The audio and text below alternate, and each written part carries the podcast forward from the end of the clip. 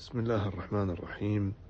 وصلى الله وسلم على نبينا محمد وعلى آله وصحبه أجمعين. وبعد يقول النبي صلى الله عليه وسلم في وصف الخوارج فإنه سيكون له شيعة يتعمقون في الدين حتى يخرجوا منه كما يخرج السهم من الرمية.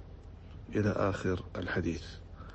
فوصف النبي صلى الله عليه وسلم الخوارج ورأسهم الذي اعترض على النبي صلى الله عليه وسلم في قسمة الغنائم بأنهم عندهم تعمق في الدين وهذا التعمق هو الذي حذر الله عز وجل أهل الكتاب من الغلو في الدين وهذا الذي حذر منه النبي صلى الله عليه وسلم أشد التحذير من الغلو والتعمق والتدقيق في شيء لا يحتاج إليه.